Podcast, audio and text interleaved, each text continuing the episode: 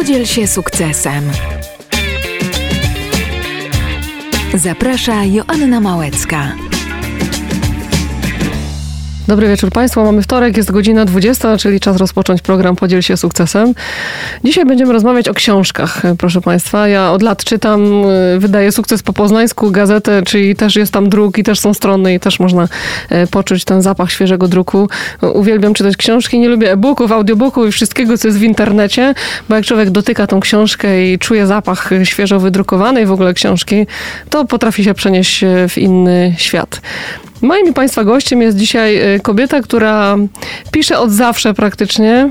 Y, na swoim koncie ma ponad 20 książek y, obyczajowych, powieści, głównie skierowanych do kobiet, sądzę. Porusza w nich trudne tematy, typu depresja, typu śmierć, no ale też jest dużo radości, dużo związków i, i troje na huśtawce, czyli mezalians rodzinny, ale to zaraz.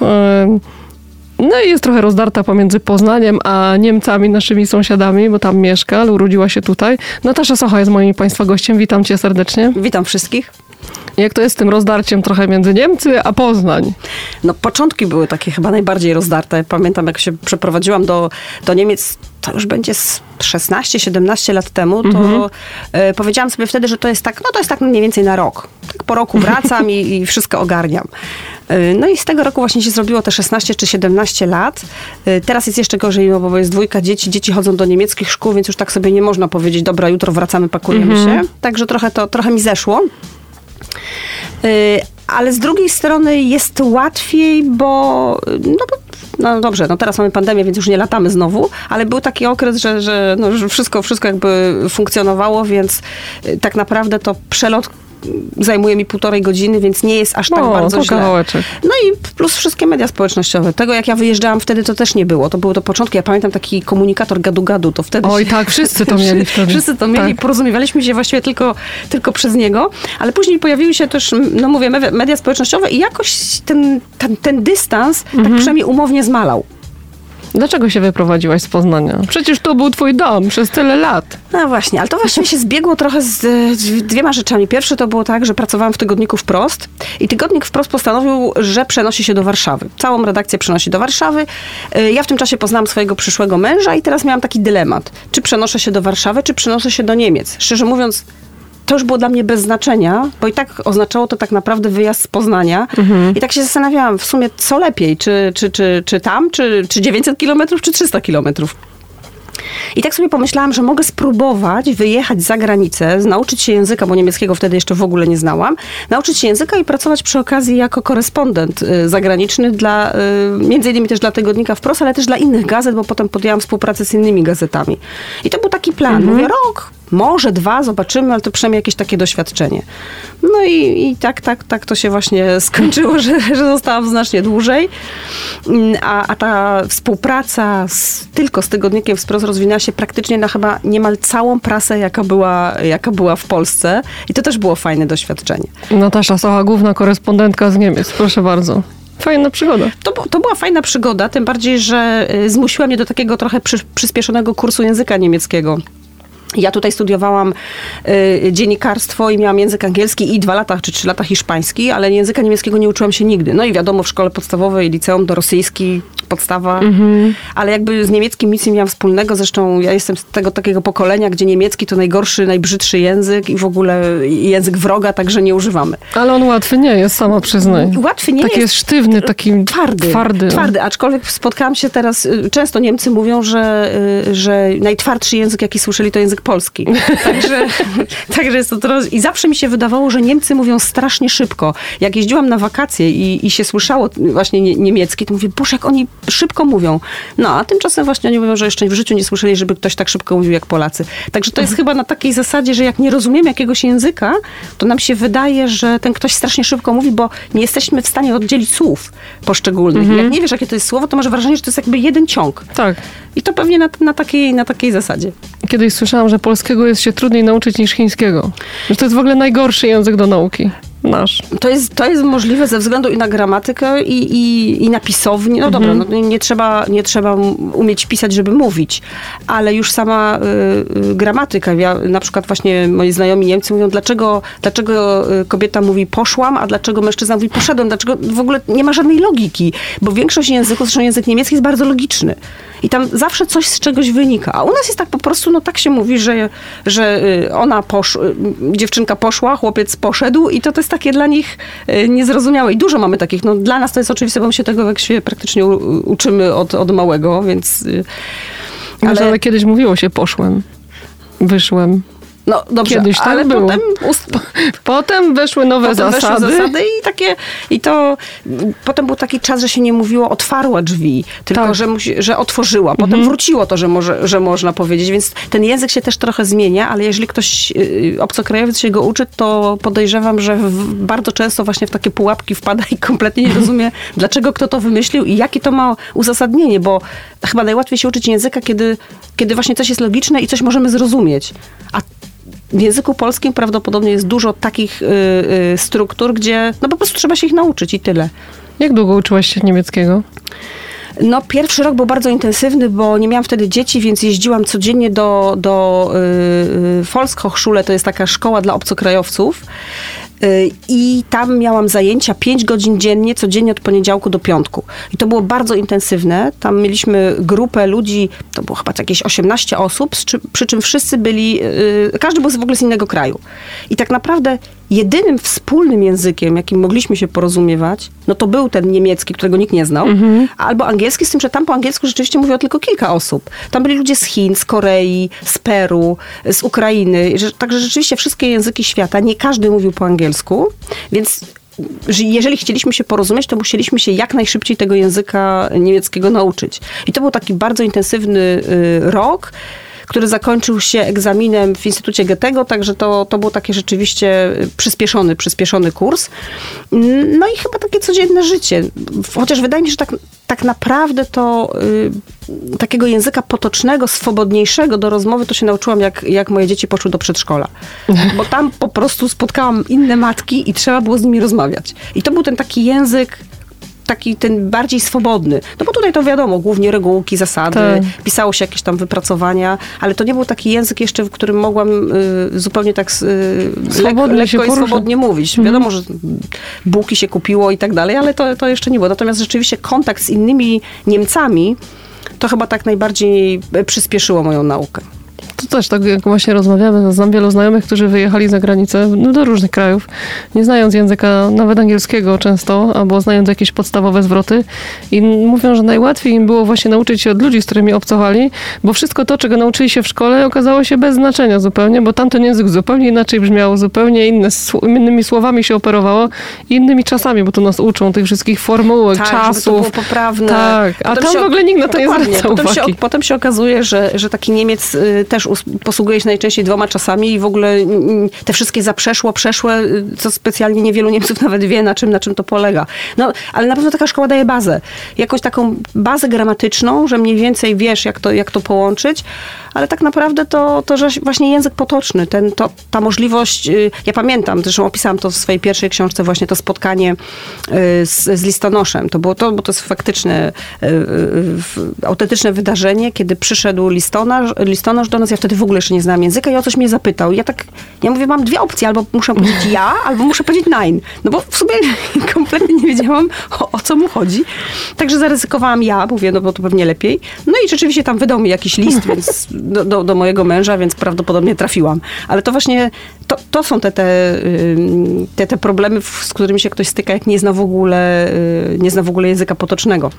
A jeszcze zawsze lądujesz w jakimś rejonie, gdzie wiadomo, że Inny dialekt że w ogóle jest inny jest, dialekt. tak. Także mi się też zdarzyło, że, że ktoś do mnie powiedział i to było rzeczywiście w tym dialekcie, gdzie tam, gdzie ja mieszkam i, i wtedy i to było po dwóch latach i ja sobie myślę, Boże, jestem tutaj dwa lata, uczę się dwa lata języka, ja w ogóle nie rozumiem, co oni do mnie mówią. A to był taki klasyczny Eiffel dialekt stamtąd, to tak jakby do mnie Kaszub się odezwał. Tak. To tak mniej więcej... Albo Ślązak. Albo Ślązak, ale tak powiedział tak płynnie Mhm. po swojemu, że nie rozumiesz kompletnie nic, no to to właśnie ja tak na niego patrzyłam i mówię, no nie wierzę w to, że po dwóch latach nie wiem w ogóle, co ten człowiek do mnie mówi.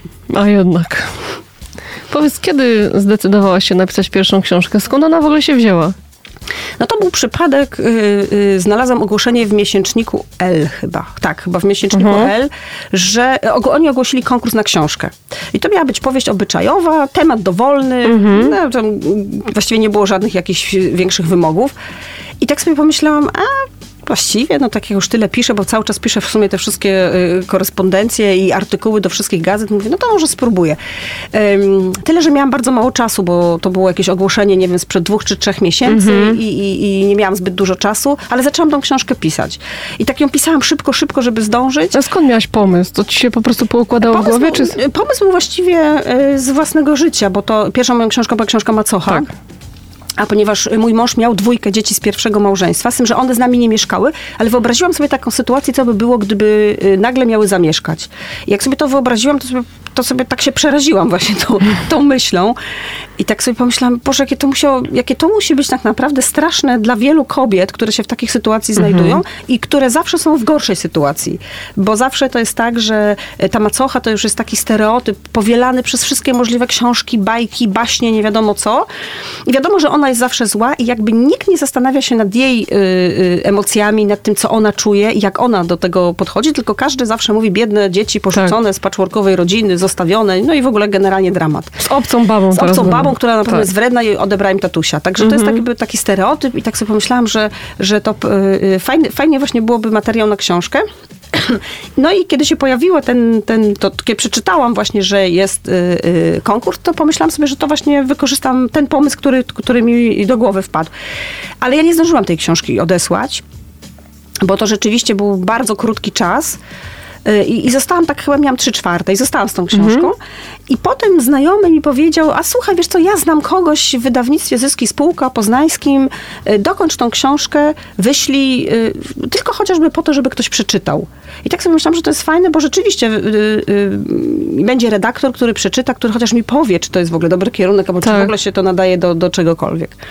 I pamiętam, że wysłałam tą książkę i tydzień później dostałam już właśnie od nich informację, że oni to wydają. Także to był, Mm, to, był, super. także to był rzeczywiście taki naprawdę duży szok, bo myślałam, no okej, wiedziałam, że jakoś tam potrafię pisać, bo jednak całe życie piszę i, i, i przeszłam ciężką szkołę Wiesława Kota w, y, w Oj, znam Wiesława. tygodniku wprost, także, także on mnie faktycznie nauczył porządnego pisania, więc jakby nie bałam się takiej tej strony stricte stylistycznej, e, że, że, że to jest zły język, że jakiś niechlujny, że coś jest źle napisane, tylko ogólnie mm, jak później to sprzedać jako książkę, bo jednak pisanie artykułów, wiadomo, to jest krótka forma, e, zdania też zupełnie inne, a tutaj jednak trzeba trochę tą fantazję jeszcze do, do tego dołożyć. Ale oni uznali, że to jest absolutnie wystarczające, żeby żeby to wydać. Y, To też było trochę inne czasy, bo teraz... Właśnie, kiedy to było? No to było no, 17 lat temu, 16 lat temu, y, 17. Y, I wtedy, to teraz się tak trochę zmieniło, bo, bo rzeczywiście tych książek się masa wydaje i mam wrażenie, że y, korekta strasznie kuleje z tymi książkami, już zwłaszcza redakcja. Y, A wtedy to było tak, że rzeczywiście każdy y, autor dostał swojego redaktora, który tą książkę przeczytał od początku do końca, ale nie tak, że ją przeleciał i powiedział, dobra, może być, puszczamy, tylko rzeczywiście on czytał każde zdanie i ja pamiętam, że siedziałam wtedy, moim redaktorem był Jan Grzegorczyk, który sam pisze książki.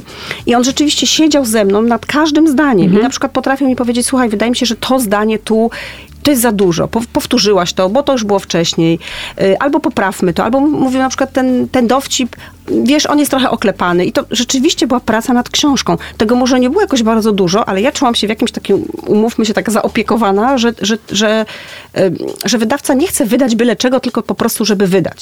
Co niestety teraz jest. Bo teraz jest tak, Wiem. że, że Teraz jest taka masówka, jak ja to nazywam. Teraz jest masówka, teraz jest tak, że każdy może wydać książkę, Tak. że, że tak naprawdę pojawiły się też y, te wydawnictwa, gdzie człowiek może sobie sam wydać, wystarczy, że, y, że zapłaci, y, przemyć tam jakąś część i, i, no i rzeczywiście te książki nie mają żadnej, żadnej redakcji, korekta kuleje, także bierze się książkę i tam jest masa błędów. I to nie są tylko błędy, bo literówki zdarzają się każdemu, tak? Ja sama, jak czytam swoją książkę do redakcji już, żebym jeszcze raz zatwierdziła, ja nie widzę swoich literówek, bo ja wiem, jaki to ma być wyraz i jeżeli tam brakuje jakiejś literki, to jakby nie zauważasz tego, bo, bo, bo ja czytam tą książkę już któryś, któryś lat, dla, dlatego fajnie jest, kiedy dostaje ją taki y, y, ktoś zupełnie z zewnątrz, Tak. który ją czyta po raz pierwszy, bo on wtedy rzeczywiście wyłapuje te literówki. Ale już pomijając literówki, tam jest po prostu cała masa błędów i stylistycznych y, i, i, nie ma sensu bardzo często jakiś, jakaś książka jest napisana na kolanie, byle jak. I te książki się po prostu teraz wydaje, one rzeczywiście nie mają redaktorów. Mam wrażenie, że to, czego potrzebuje branża wydawnicza, to są dobrzy redaktorzy, którzy po prostu te książki czytają i poprawią. Pytanie, czy oni są? Bo kiedyś był Wiesław Kot, kiedyś był Andrzej Tak. Niczyperowicz, który mnie osobiście uczył zawodu. Dokładnie. Było takich sporo nauczycieli, od których można było się czegoś nauczyć, a dzisiaj to wszystko... Nie ma. To wiesz, faktem jest, że kiedyś było coś takiego, że, y, że język potoczny był językiem potocznym, natomiast właśnie radio, telewizja i prasa, to tam się używało już takiego języka rzeczywiście mm, poprawnego. Tam nie można było sobie pozwolić na, na, na jakieś takie potoczne zwroty, które teraz mam wrażenie, że... No poszłem, nikt nie powiedział Nikt kiedyś nie w radiu. powiedział, a zdarzyło mi się... Tak, ale chodzi o to, że ten język też zubożał już teraz, a wtedy nie wolno było sobie na coś takiego pozwolić. Teraz y, y, czasami też przeglądam y, niektóre książki i mam wrażenie, że to jest tak, jakby właśnie ktoś mówił językiem facebookowym. Y, równoważniki zdań, y, krótkie te formy, takie gagi bardziej opisywane niż jakiekolwiek wydarzenia, bo, bo taki jest język i takim językiem y, mówimy, ja osobiście uważam, że takim językiem nie powinniśmy pisać, że jednak książka to jest zupełnie inny, zupełnie jakby inna jakość i powinniśmy ten język, dbać o jego jakość i, i o to, żeby, żeby on był w dalszym ciągu w dalszym ciągu ładny i w jakiś, no i po prostu lepszy, bardziej bogaty niż, niż ten, którym posługujemy się na co dzień. No ale tak nie jest. I teraz jest właśnie pytanie, tylko pytanie jest takie, czy my nie mamy dobrych redaktorów, to jest raz, bo to prawdopodobnie też tak jest, a drugie pytanie, czy, czy wydawca w ogóle chce i ma czas na takiego redaktora. Bo, bo tak jak mówiłaś, to jest wszystko teraz, ja mam wrażenie, że im więcej, książka żyje trzy miesiące. Tak, tak już ktoś ostatnio powiedział, że nawet, że nawet miesiąc. I też nie wiem, czy się z tym nie zgodzić. Praktycznie jak się patrzy na premiery empikowskie co dwa tygodnie, to to jest zalew nowych tytułów. I teraz, żeby się przebić ze swoją książką, to ma się tak naprawdę miesiąc czasu, żeby ją jak najlepiej wypromować i sprzedać. Po trzech miesiącach o tej książce nikt nie pamięta, bo jest tyle nowych tytułów, No tak. że, że praktycznie y, ona ginie. To nawet nie to, że ona jest słaba, czy, czy, czy nie wiem, czy źle napisana, czy nieciekawy temat. Ona po prostu ginie, bo jest przysypana y, lawiną innych książek.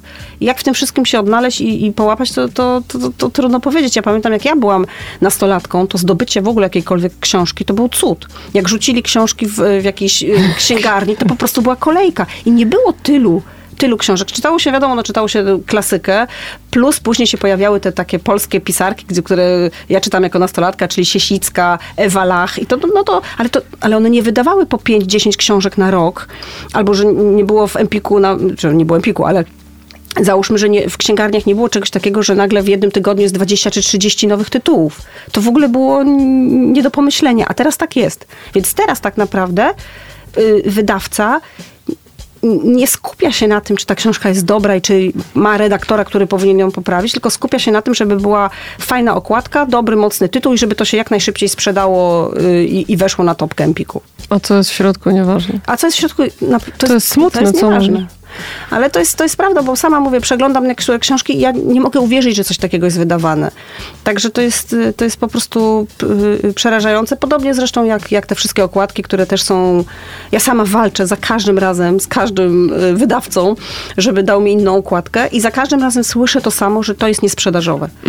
Czyli jakby to jest najważniejsze, nieważne co jest w środku. I, I chociaż mówię, no dobrze, ale mamy temat, który nie jest tematem y, kojarzącym się z okładką różową, czy z jakąś kobietą z włosami rozwianymi, czy, czy, czy właśnie y, ręce otulające filiżankę kawy. Jakby to, to jest bardzo ładne zdjęcie, ono przykuwa wzrok, bo to są takie zdjęcia, które się zawsze podobają, tak? Tak. Więc coś w tym jest. Ale jakby to się w ogóle nie przekłada na tematykę książki. I teraz ryzyko jest takie, że y, ktoś, kto zobaczy taką okładkę, powie, nie, no to, to na pewno to jest jakaś żenująca historia o rycerzu na białym koniu, nie kupuję, bo, to, bo okładka już mi sugeruje, że to będzie dno, i więc nie kupuję. Albo wręcz przeciwnie, ktoś kupi i mówi, o, to będzie taka słodka, romantyczna historia i wreszcie sobie odpocznę, po czym dostaje coś, co w ogóle jakby nie współgra z okładką i też jest rozczarowany. Więc nie do końca wiem, czy to jest akurat dobre, żeby skupiać się tylko i wyłącznie na tym, co sprzedażowe. Kłócisz się z wydawcą? Kłócę się, ale jakoś... Ja myślę, że już moi wydawcy mnie bardzo nie lubią, jeśli chodzi o okładki, bo za każdym razem jest ten sam temat i za każdym razem właśnie ja mówię swoje, a wydawca mówi, ale to jest niesprzedażowe. I nie możemy na przykład dać zielonego, bo zielony się nie sprzedaje. Nie możemy dać y, za ciemnego, bo za ciemny się nie sprzedaje. Jest wiosna, wiosna wchodzi na przykład, nie wiem, żółty, różowy i taki. I to po prostu statystyki sprzedaży to pokazują i jakby tym się głównie kieruje y, wydawca. Ja go rozumiem. Tylko No bo on chce zarobić, on, on chce chce sprzedać. zarobić. W sumie chce też dla mnie dobrze, tak? Bo chcę, żeby, chcę sprzedać moją książkę, czyli ja też na tym zarobię. Tak. Ale cały czas mam wrażenie, że, że, że jednak trochę się rozmijamy i że, że nie mamy aż tak strasznie głupich czytelników, którzy kierują się tylko i wyłącznie y, okładką, którzy jednak y, bardziej skupią się na tym, o czym jest ta książka, a dopiero później powiedzą, okładka, no dobra, podoba mi się, nie podoba mi się, ale jakby nie ma to przełożenia na to, o czym jest y, treść. Ty masz pewnie całą rzeszę swoich czytelników i oni też czekają na fajną okładkę od ciebie, a nie na jakieś tam, wiesz, No, róże i inne rzeczy. No to właśnie, ja ciągle mam jakieś tam róże i takie, ale, to, ale ja chciałam zaznaczyć, że to jest kompromis, tak? Bo, bo to jeszcze nie jest to, co mi proponuje wydawca, bo wydawca mi czasami rzeczywiście proponuje jeszcze bardziej różowe i jeszcze bardziej kwieciste i słodkie, więc to i tak jest jakiś kompromis. Yy, no nie wiem, mam wrażenie, że, że mogłabym już sprzedawać te książki bardziej swoim nazwiskiem niż, y, niż właśnie Okładką. niż okładką. Ale, no ale no trudno powiedzieć, bo mówię, takie są czasy, że, te, że rzeczywiście no, tak jest, że kupujemy oczami. W sumie tak zawsze było. Że w, poza tym ja też się zgadzam z tym, że w każdej kobiecie drzemie odrobina różu. Że nawet jak się ubieramy zawsze Oczywiście, czarno, tak. szaro i ten, tak jak ja, też zawsze idę do sklepu i mówię, o, to jest ładne, ale czy ma pani to w czarnym? Więc, więc to i tak ten różowy jakiś taki, coś w tym jest. Zgadzam się też z tym, że ponieważ ta nasza rzeczywistość jest taka trochę popielato, szaro, czarna i, i smutna, no to nie chcemy tego przekładać na każdą jedną dziedzinę życia, czyli nawet jak bierzemy tą okładkę, to być może szara okładka nas trochę przygnębia, powie, o Jezu, to takie znowu jest Tak. depresyjne, a już tej depresji, tej, tej, tej takiej, yy, takiego smutku mamy tak, tak Dosyć. dużo i tak Mhm. dosyć, że chociaż bierzemy taką okładkę na zasadzie właśnie tej odrobiny różu yy, do naszego życia. Także może nie mam racji. Albo mówimy sobie, a przeczytam Sochę, będzie miło. Albo możemy sobie też tak powiedzieć. Chciałam wrócić jeszcze do tej macochy, do tej twojej pierwszej książki. Czy twój mąż ją przeczytał? Y, Tak, tak, on ją przeczytał, y, y, także jemu się bardzo podobała. Właśnie z tego względu, to zresztą nawet większość czytelników podkreśla, że ona po prostu była uczciwa, bo to była książka napisana jakby z perspektywy macochy, ale to nie, na takiej zasadzie, że tutaj z kolei ma- macocha była dobra, a dziecko złe. Tylko to właśnie było takie bardziej pokazanie dwóch stron. Y, y, pokazanie tego, że, że każda z tych stron tak naprawdę znalazła się w dziwnej, trudnej i skomplikowanej sytuacji. I teraz chodzi o to, jak te dwie strony ze sobą dopasować, żeby, żeby one y, jakoś współgrały, tak? Żeby, żeby jedna strona była zadowolona, druga, żeby się nie zagryzły, nie zabiły, nie, nie kłóciły do końca życia, tylko żeby po prostu znaleźć jakiś kompromis. To też było takie takie podkreślenie, że to wcale nie jest tak, że macocha musi kochać dzieci y, swojego męża z pierwszego małżeństwa. To jest jakby nam od góry narzucane. To jest dziecko, dziecko trzeba kochać. Nie, to jest nieprawda. Nie trzeba tego dziecka kochać, trzeba je akceptować, wiadomo, y, ale też na tyle, na ile ono nam pozwala. Nie wolno dać siebie samego zjeść, zniszczyć, zagryźć i, i, i doprowadzić do tego, że człowiek musi się potem ratować psychotropami albo, albo terapią u psychologa, bo, bo nie daje rady. To wszystko musi do pewnych granic. Jeżeli nie ma tej możliwości porozumienia się, to moim zdaniem trzeba w pewnym momencie odpuścić, a nie cały czas się starać i stawać na głowie, bo to też tak y, nie może być, że tylko jedna strona się stara, a druga tak naprawdę y, z tego tylko korzysta, y, a nie daje, nie daje nic od siebie. Także to też właśnie było takie i nawet rozmawiałam właśnie z psychologami na ten temat. Oni mówią, że to, to jest w- w- właśnie u nas tkwi takie, takie poczucie, że, że to dziecko właśnie jest poszkodowane i że je trzeba otoczyć jakąś specjalną opieką i miłością. No zgadzam się z tym, że trzeba je ot- otoczyć opieką, że trzeba mu pomóc przez to przejść, ale mówię, to wszystko musi być do pewnych granic właś- własnego zdrowia psychicznego. No i też duża rola tu jest partnera, który musi pomóc w tej relacji. Tak, który też y, powinien być tak naprawdę obiektywny. Nie patrzeć tylko na to, że ale to są dzieci, okej, ale spójrz też na mnie i na to, jak, w jakiej sytuacji ja się, ja się znalazłam. Także e, ta książka jest napisana na wesoło. Ona rzeczywiście jest taka zabawna i tam są też różne, różne gagi, takie sytuacje, które, które spotkały tą główną bohaterkę. E, I, bo ona taka miała być, ona miała pokazać problem, ale przez humor. Tak generalnie w sumie na początku mojego pisania rzeczywiście w wielu książkach tak robiłam. Czyli pokazywałam jakiś problem, ale mm, jakby na, przez... przez pryzmat czarnego humoru, żeby obśmiać jakiś, jakiś problem, bo zawsze wydaje mi się, że jak coś zaczynamy się z czegoś śmiać, to ten problem staje się trochę mniejszy. I już nas tak bardzo nie przeraża, jak, jak kiedy go sobie tylko wyobrażamy. Także to poczucie humoru y, w tej książce było takie dosyć istotne y, i później w moich kolejnych, a teraz teraz jestem na takim etapie, że właściwie mam różne te książki, że niektóre czytelniczki mówią, że trochę im tego humoru brakuje, ale ja myślę, że to chyba wynika też z doświadczeń własnych i po prostu z tego, że człowiek cały czas się rozwija i też ma nowe doświadczenia. Nie wszystko jest śmieszne, nie wszystko jest zabawne, y, albo nie wszystko da się przerobić na, na jakąś y, y, taką śmieszną sytuację, aczkolwiek i tak staram się za każdym razem pokazywać coś, co, co nas dotyczy, nie tylko jako na zasadzie właśnie czegoś bardzo poważnego, trudnego, z czym musimy się zmierzyć, tylko żeby też pokazać drugą stronę, że, że możemy się trochę z tego pośmiać. Nie, mówię, no nie ze wszystkiego się da, nie w każdej książce. Na przykład menopauza. O menopauzy można się pośmiać. Hormonia, tak. twoja książka. Tak, to jest książka, którą też właśnie potraktowałam trochę, trochę tak wesoło, bo wydaje mi się, że to jest właśnie cudowny temat, którego możemy się, możemy się śmiać.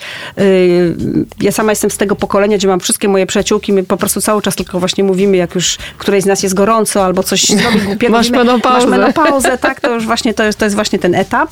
Także to jest takie fajne, że, że, że można się z tego, że, że można się z tego trochę pośmiać. Dlatego hormonia też właśnie była na takiej, na takiej zasadzie napisana, bo to było takie, y, to są takie strachy nasze. Zawsze słyszymy to menopauza i przekwitanie i w ogóle koniec z kobiecością i już po nas, mm -hmm, koniec, tak, już tak, nic się nie wydarzy. Nic się nie wydarzy, tak. możemy się w ogóle zamknąć w skrytce na, na szczotki jak Harry Potter i tam zostać, bo, no bo wiadomo, że już jakby nikt, nikt nas nie zauważy, jesteśmy przezroczyste. Także to był też właśnie taki, taki powód, żeby napisać o tym książkę i pokazać, że to nie do końca jest prawda i że to tak naprawdę tylko też od nas zależy, czy, czy jesteśmy przezroczyste, czy nie. A depresja? Z tego to już trudno się śmiać, nie? No depresja, de, z depresji trudno się śmiać, aczkolwiek ym, te, ym, ja właśnie napisałam książkę Zagubieni. Ona nie do końca była o depresji, ona była bardziej o takim zagubieniu właśnie życiowym, o takim wypaleniu zawodowym i życiowym y, przez młodych ludzi, bo to tutaj głównymi bohaterami są 30-parolatkowie, którzy wszystko już przeżyli, y, którzy wszystkiego doznali i w pewnym momencie stanęli tak jakby naprzeciwko siebie i powiedzieli, co my mamy jeszcze w życiu robić, skoro my już tak naprawdę mhm. wszystkiego doświadczyliśmy. I wtedy wydaje mi się jedynym rozwiązaniem tak naprawdę zakończenia takiego, takiego życia, bo nic im się nie udaje, wszystko, czego się dotkną tak naprawdę też jest jakimś takim niepowodzeniem, nie tego oczekują, ich oczekiwania są dużo większe, cały czas jakby szukają szczęścia, ale nie wiedzą jak i mhm. w pewnym momencie tak się to wszystko rozjeżdża.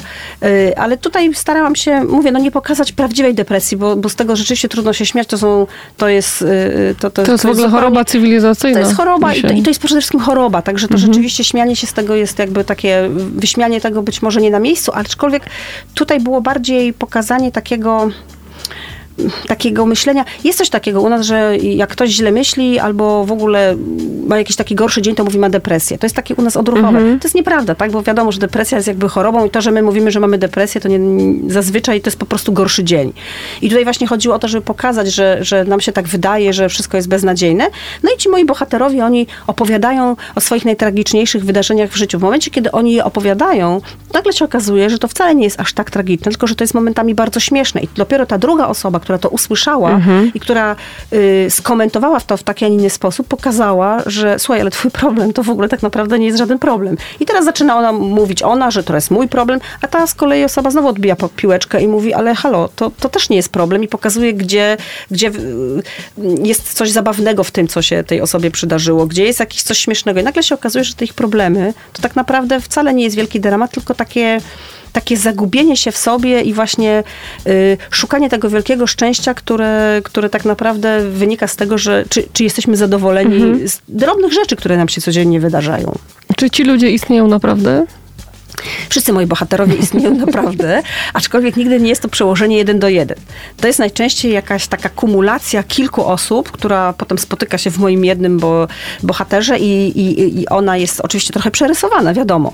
Ale faktem jest, że nigdy nie, mam, nie miałam żadnego bohatera, który jest tak zupełnie wymyślony, tak zupełnie oderwany od rzeczywistości. To są zawsze ludzie, których, których spotkałam, y, których poznałam, albo moi dobrzy znajomi, albo ktoś, kogo poznałam w przelocie, ale okazało się, że jakby jego osobowość, czy to, co on mówi, jest y, w sumie charakterystyczne też dla wielu z nas i, i bardzo fajne właśnie do tego, żeby wziąć go do, do powieści. Także z pisarzami to trzeba czasami uważać, bo to jest bardzo często tak, że obojętnie z kim oni nie rozmawiają i Wykorzystają to. Zawsze to wykorzystają, to jest prawda, bo to, to jest takie automatyczne. Ja często przyłapuję się na tym, że z kimś rozmawiam i ktoś mi coś opowiada, ja myślę, o, wezmę do książki. Także to jest takim, tak, takimi trochę złodziejami opowieści, opowieści i, i różnych historii jesteśmy, to, to, to na pewno. To, tak jak właśnie y, brania różnych y, charakterów czy osobowości do, do, do swoich powieści. To jest jedno, a druga rzecz też w każdej książce i w każdym bohaterze, głównym bohaterze też jest cząstka autora. Y, moja mama zawsze jak czyta książki mówi, a to znam, a to, a to mówi, a to się chyba tobie wydarzyło, mówi, a to jest moja historia. W, w książce Godzina Zagubionych Słów mam taką scenę, w- gdzie córka wspomina, że mama jej obcinała włosy wbrew jej woli. To ja. To ja, to mi mama obcinała włosy właśnie wbrew mojej woli, bo nie lubiła długich włosów. Mówiła, że mam za cienkie i że jak będziemy je ścinać, to one się wzmocnią i tak dalej. I całe życie mnie obcinała na chłopaka. I ja, znaczy całe życie, no całe życie moje dziecięce. Tak. Y, I ja byłam z tego powodu bardzo nieszczęśliwa. I mama też się od razu tam odnalazła, mówiła, o to chyba troszeczkę przesadziłaś. Mhm. Ale to są właśnie takie sytuacje, które, które y, gdzieś się właśnie w książce pojawiają i to są sytuacje albo właśnie mówię z mojego życia, albo gdzieś tam zasłyszanego, albo życia moich znajomych czy przyjaciół. To teraz skojarzyło mi się z y, książki Pokój kołysanek. Dobrze mówię, dobrze mówię. Starszy pan, który przytulał noworodki. To, jest, jest- takie urocze w ogóle. To jest też, y, właśnie się dowiedziałam, że on chyba dwa tygodnie, trzy tygodnie temu zmarł, bo to jest, autenty, o, bo to jest autentyczna postać. Y, To jest człowiek, który właśnie w takim późnym wieku sam poszedł do szpitala na jakieś badania i czekając na wyniki, czy, czy, czy, czy na rozmowę z lekarzem, właśnie zauważył y, y, oddział noworodków, wcześniaków y, i jakoś tak odruchowo wszedł i zapytał, czy nie potrzebują kogoś do pomocy, że on chciałby cokolwiek robić. I oni wtedy właśnie, to był taki eksperymentalny pomysł, właśnie zaproponowali mu, żeby, y, i że jeżeli chce, to może przychodzić i po prostu tylko przytulać te niemowlaki, bo one po prostu potrzebują Tak. dotyku. I to, y, to mi przysłała kiedyś ten taki link właśnie do tej historii. Moja przyjaciółka mówi, że jaka cudowna historia. Ja wtedy tak od razu myślę, Boże, no to, to jest taka historia, która absolutnie musi zostać opisana. oczywiście.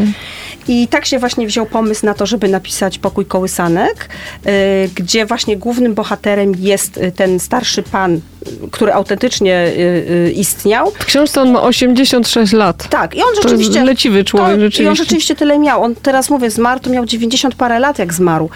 Także to jest, to, to jest wzięte rzeczywiście z, y, y, jakby z prawdziwej historii. Natomiast jeszcze do tego doszła cała historia mojego dziadka, który dużo podróżował i za, zostawił bardzo dużo takich zapisków ze swoich podróży. Ja to wszystko wykorzystałam właśnie w tej książce. Tam są prawdziwe, autentyczne zapiski mojego dziadka i, i, i trochę y, z jego życia. Także to też jest taka książka bardzo dla mnie osobista, bo, bo mówię, dużo wspomnień, zapisków, jakichś opowieści dziadka, plus, plus ten starszy pan, który, który faktycznie w tym szpitalu, w oryginale to chyba było w Atlancie, właśnie na tym oddziale now, noworodków, wcześniaków y, pracował. Teraz w ogóle w Polsce jest taka akcja, że senior tuli maluszka. Tak, znaczy teraz jest dokładnie. pandemia, więc Teraz może jest niekoniecznie, pandemia, ale ale, to to, też- bardzo popularna akcja była To przecież. tak, bo to się okazało, że to ma niesamowity wpływ na, na, na właśnie na takie mm, przyspieszenie powrotu do zdrowia tych, y, tych dzieci, że one to, czego potrzebują, to potrzebują dotyku. A wiadomo, że rodzice nie mogą siedzieć non-stop. Mhm. Y, y, zwłaszcza jak na przykład jest, nie wiem, drugie dziecko w domu, albo pracują. No cokolwiek, jakby nie, są w stanie przyjść na te kilka godzin, y, ale nie, nie jakby, no, ale też nawet niekoniecznie codziennie. A on faktycznie przychodził codziennie i, i, i brał te maluchy i on im opowiadał historię. Głaskał, tulił, czasami coś śpiewał. I to było coś tak właśnie, tak sobie pomyślałam, że to jest tak piękna historia, że rzeczywiście fajnie byłoby y, stworzyć na jej, na jej podstawie książkę. Czy on przeczytał tę książkę, ten bohater? Chyba nie. No szkoda. No szkoda, ale no to tak, tak sobie też pomyślałam, że może, może dla niego by to było no też jakimś przeżyciem przeczytać jakby częściowo o sobie. Ale piszesz też smutne książki. Przepraszam, muszę to powiedzieć. Yy, historię Karoliny i Oli ze szpitala onkologicznego w aptece marzeń no, otwiera oczy. No to jest książka smutna, chociaż też próbowałam ją troszeczkę troszeczkę złagodzić niektórymi historiami. Y, Obie historie są prawdziwe, przy czym, y, znaczy nie do końca. Historia Oli jest rzeczywiście historią opartą na faktach y, i, to jest tutaj naprawdę duże podziękowanie dla jej rodziców którzy zgodzili się ze mną spotkać, którzy opowiedzieli mi tą całą historię, którzy udostępnili wszystkie dokumenty medyczne.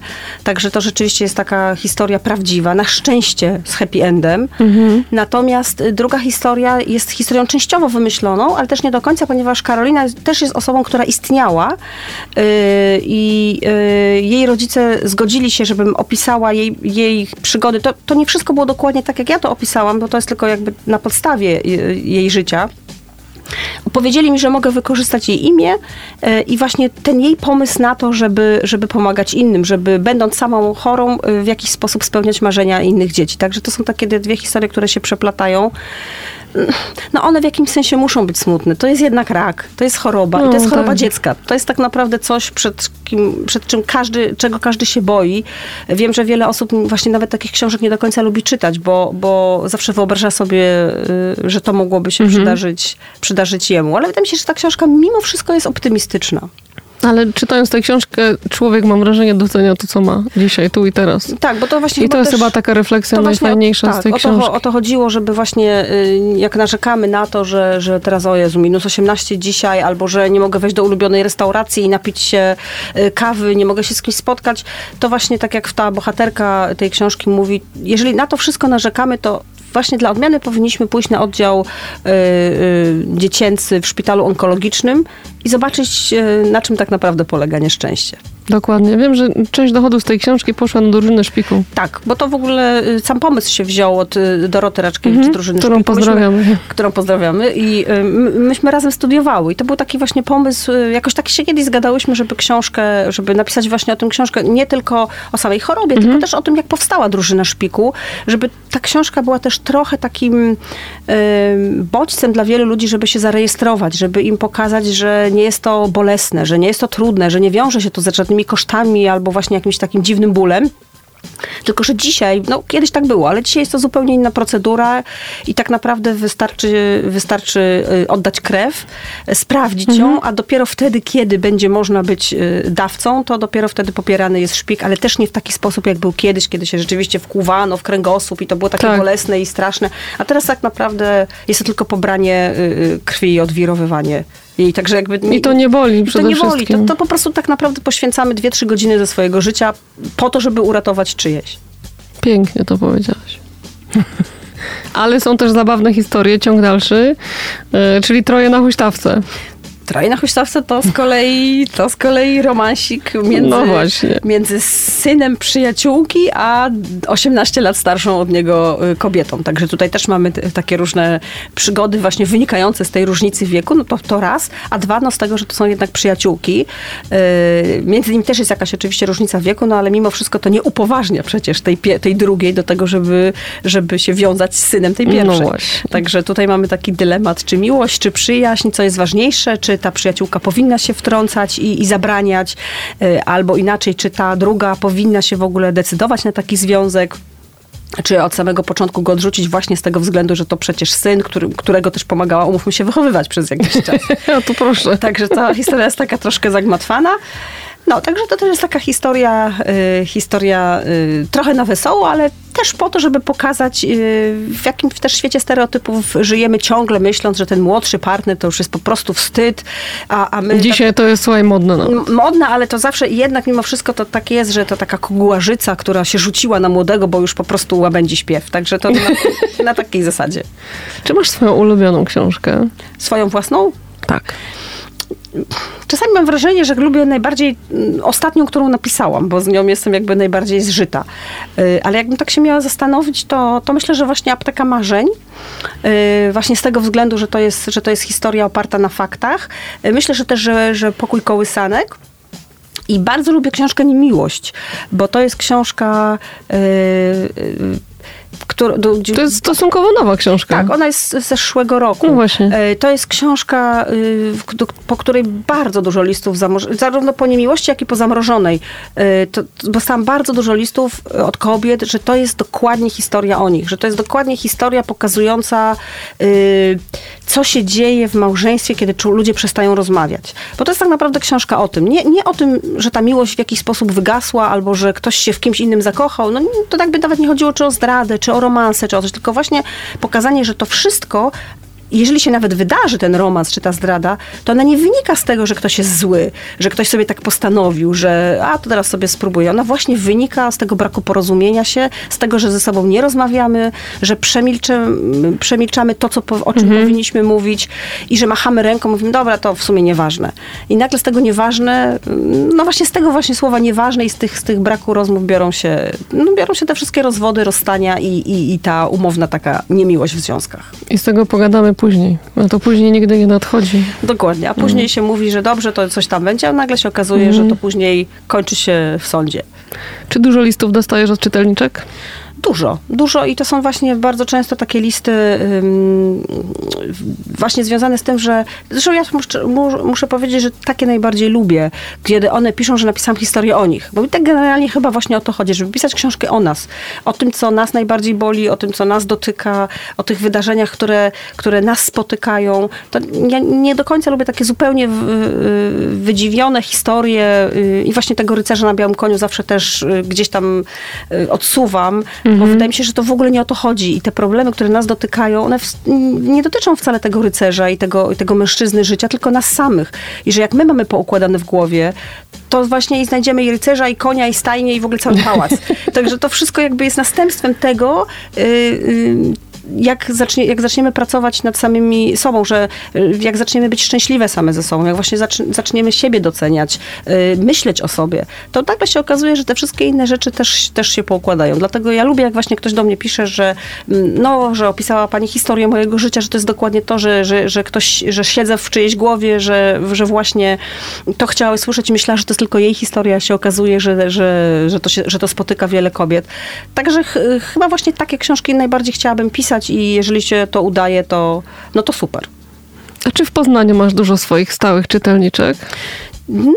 Mam z Poznania też, z Poznania, z okolic, także jak mi tak czasami się zdarza y, z- zrobić y, spotkanie autorskie, no to teraz na razie niemożliwe, no to rzeczywiście mam te swoje takie y, y, stałe, stałe czytelniczki i to jest oczywiście bardzo miłe. Znaczy, to nie jest oczywiście tak, że chodzę po Poznaniu i jestem rozpoznawalna, to może mi się zdarzyło, może mi się zdarzyło raz czy dwa, byłam bardzo dumna wtedy i, i, to, ale to oczywiście wiadomo, że jakby też nie o to chodzi, ale y, także ta rozpoznawalność to pisarza nie jest może aż taka. Y, ale, ale to, że się chcą spotkać, jak na przykład y, czasami daję sygnał, że jestem w Poznaniu albo coś, no to właśnie, że chcą się spotkać, pogadać, y, y, czy właśnie, czy można zorganizować jakieś spotkanie, żeby chociaż na chwilę się ten, to, to, no to rzeczywiście jest to bardzo miłe. No i moja najwierniejsza czytelniczka y, z tej strony pozdrawiam bardzo serdecznie Anię Majewską. Ania, ty jesteś absolutnie moją ulubioną również czytelniczką. Ona ma wszystkie twoje ona, książki, Tak, Ania słuchaj. ma wszystkie moje książki. Ona jeszcze już czyta, a one jeszcze nie są wydane. Nie, one jeszcze nie są wydane. Ja jej zawsze wysyłam też y, y, okładkę, jeszcze zanim w ogóle skończę książkę, bo najczęściej mam już okładkę, ale książka jeszcze nie jest skończona, także Ani już pokazuje, tylko mówię, jeszcze nic nie mów, nie pokazuj, bo to jest tajemnica. I Ania tylko zawsze wysyła y, pytania, czy już, czy już jest w zapowiedziach, czy już jest w przedsprzedaży w Empiku, no bo w Empiku można zawsze kupić wcześniej. Także to, także jeszcze raz bardzo serdecznie pozdrawiamy Tak, Anię Anię Majewską. Gruszkę pozdrawiamy serdecznie ze studia Radia Emaus. Skoro mówimy o nowościach i przedsprzedaży, to za chwilę twoja kolejna książka się ukaże. Tak, to jest książka oparta też na faktach. E, Tutaj mm, skontaktowałam się z trzema kobietami, które opowiedziały mi autentyczne swoje historie. One akurat tutaj y, występują pod pseudonimem, ale tak naprawdę to są, to są historie kobiet y, pomnożone razy setki, bo to, bo to są wydarzenia, które to są właśnie to, co, się, to, co je spotkało, spotyka na co dzień y, bardzo dużo kobiet i to przez cały, to właściwie jeszcze teraz, y, mimo że, y, mimo że sobie zdają sprawę, że takie historie się wydarzają, to, to i tak jakby pakują się, a mówię tutaj o oszustach matrymonialnych. O, Także książka nosi tytuł Zaczarowane. Yy, tak, także też już jest właśnie w przedsprzedaży. Za trzy tygodnie premiera i to jest książka właśnie o tym, jak łatwo dajemy się podejść cudownym słowom yy, i obietnicom i, i, i, i różnym jakimś takim yy, przyrzeczeniom. Yy, I tak naprawdę naprawdę zapominamy całkowicie y, o sobie i zapominamy też racjonalnie myśleć. Y, Zupełnie odłącza nam się jakieś takie, takie czerwone światełko, które zazwyczaj mamy, jakaś intuicja. No, wszystko nam się wyłącza tylko dlatego, że ktoś nas w taki, a nie inny sposób zaczarował. I to jest historia, o której zresztą TVN24 y, miał reportaż y, kilka lat temu. Ten mężczyzna został chyba sądzony w roku 2018, ale... Mówisz o tym żołnierzu amerykańskim? Nie, nie, to był... To, to był, jeszcze to był, inna historia. Tak, bo to, to Mhm. są też inne historie o żołnierzach i w ogóle o tych wszystkich, którzy przysyłają wiadomości przez Facebooka. To jest taka nowa, nowy trend teraz, że oni łapią y, kobiety y, y, przez maile, albo najczęściej przez Facebooka i właśnie często posługują się bardzo słabym angielskim Mhm. i w ogóle mówią, że mają trudności, że potrzebują wsparcia. To, no i na, na początku nawiązują taką bardzo silną więź emocjonalną. Wiadomo, żeby tutaj się zbliżyć, a potem rozpoczyna się to takie łapanie ofiary w, w pułapkę, yy, że jeżeli on będzie miał teraz na przykład tysiąc dolarów, to dzięki temu będzie mógł jakieś papiery, Przyjechać do niej. papiery zdobyć na Tak. przyjazd i on wtedy wszystko odda i tak dalej. I te kobiety rzeczywiście wchodzą w takie układy. Ale ta historia, którą ja opisałam, to jest klasyczna historia oszusta matrymonialnego, który, yy, którego kobiety poznawały w sieci przez portale randkowe, albo który sam w jakiś sposób je wyłapywał gdzieś i który obiecywał im no wszystko. Miłość po grób, małżeństwo, yy, jakieś fikcyjne, fikcyjne biznesy, które w przyszłości będą razem prowadzić i który w taki sposób y, podszedł, y, zmanipulował właściwie ich podświadomość, że one rzeczywiście w to wszystko wierzyły.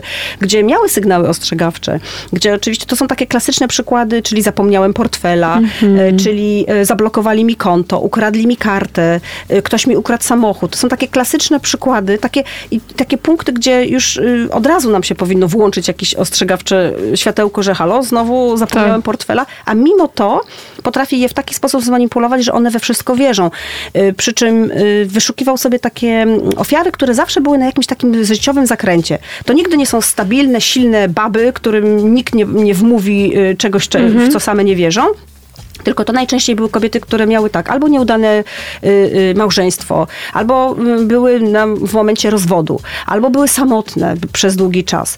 Y, także zawsze na jakimś takim życiowym zakręcie, bo, bo wtedy kobiety są tak najbardziej y, podatne na, na coś, co może wreszcie ich to życie odmieni.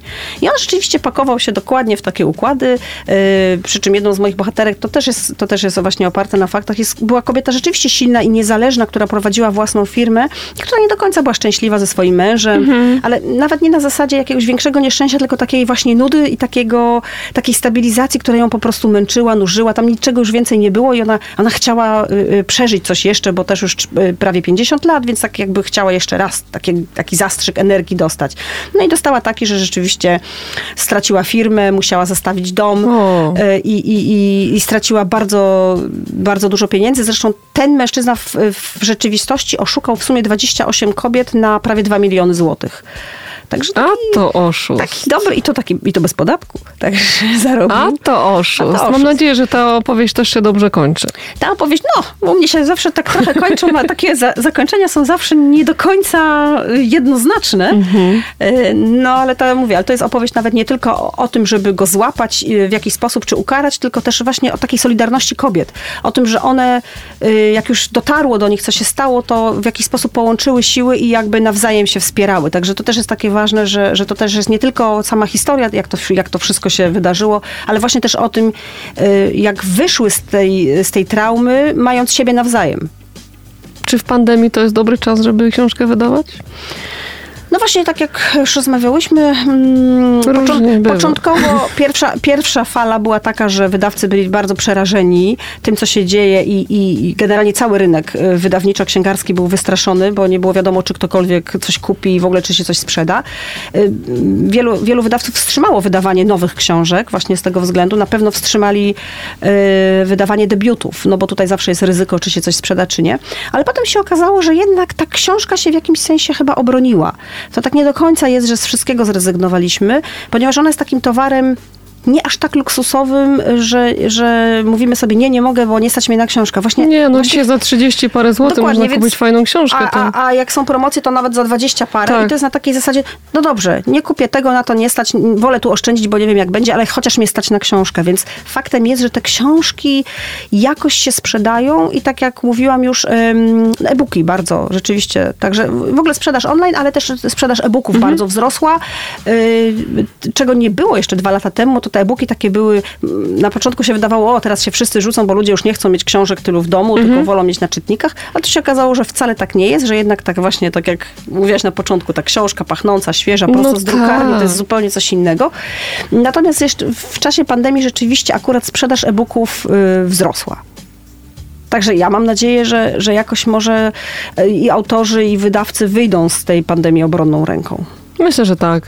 Ale jak skończy się to wszystko, to zorganizujesz jakieś spotkania autorskie w Poznaniu? To na pewno, bo ja zawsze najchętniej przyjeżdżam do Poznania, także jak tylko, jak tylko wreszcie będzie można się spotykać. Ja teraz właśnie jestem w Poznaniu i tak sobie myślę, nawet nie mogę się z nikim umówić na kawę, bo nie mam gdzie. Nie ma gdzie iść na kawę. No nie ma gdzie to jest na kawę. Spotkałam się z y, jedną y, moją y, koleżanką, ale też przy okazji właśnie wydawczynią i tak było minus chyba dwa i tak siedziałyśmy na takich metalowych krzesełkach na dworze przed kawiarnią. Kawa nam ostygła w ciągu dwóch minut i tak, tak chuchałyśmy na nią i próbowałyśmy jakoś przekonać się, że to też jest dobre miejsce na spotkanie, ale to jest, to jest smutne, bo naprawdę nawet nie ma się gdzie spotkać. Także mam, mam taką cichą nadzieję, że to rzeczywiście już są ostatnie miesiące i że, i że za jakiś czas już będziemy to tylko wspominać. Też mam taką nadzieję. Też brakuje mi spotkań takich, takiego normalnego wyjścia gdzieś. Normalnego, nie? tak, tak żeby, żeby po prostu można się było, już można nosić te maseczki, możemy zachowywać jakoś w jakiś, w jakiś sposób ten dystans, ale faktem jest, że takie normalne, zwykłe kontakty towarzyskie, one, one mocno oberwały i tak, Tak. y, troszkę umierają.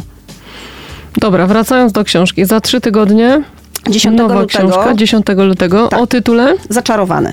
Zaczarowane. Czekamy. Czekamy z niecierpliwością. Ja też już czekam. Okładka będzie różowa, chciałam tylko zaznaczyć. Czyli wracamy do punktu wyjścia. Mamy róż. Mamy róż, ale historia nie jest taka różowa jak ta okładka. No i widzisz, i teraz zdradziłaś sens okładki. No, wszystko wiemy. Wszystko Natasza wiemy. Socha, proszę Państwa, była moim i Państwa gościem. Dziękuję Ci bardzo. Dziękuję również. A ja, proszę Państwa, zachęcam do czytania. Mamy teraz trochę czasu wieczorami, jest chłodno, można pod kołderką dobrą książkę poczytać, e, a jeżeli to będzie Natasza Socha, to tym bardziej tu nasza poznańska, lokalna autorka, pisarka. Dużo świetnych książek, dużo świetnych historii, warto się z nimi zapoznać. E, My słyszymy się za dwa tygodnie w kolejnym odcinku programu Podziel się sukcesem. Życzę Państwu dobrego wieczoru, dziękuję bardzo. Podziel się sukcesem.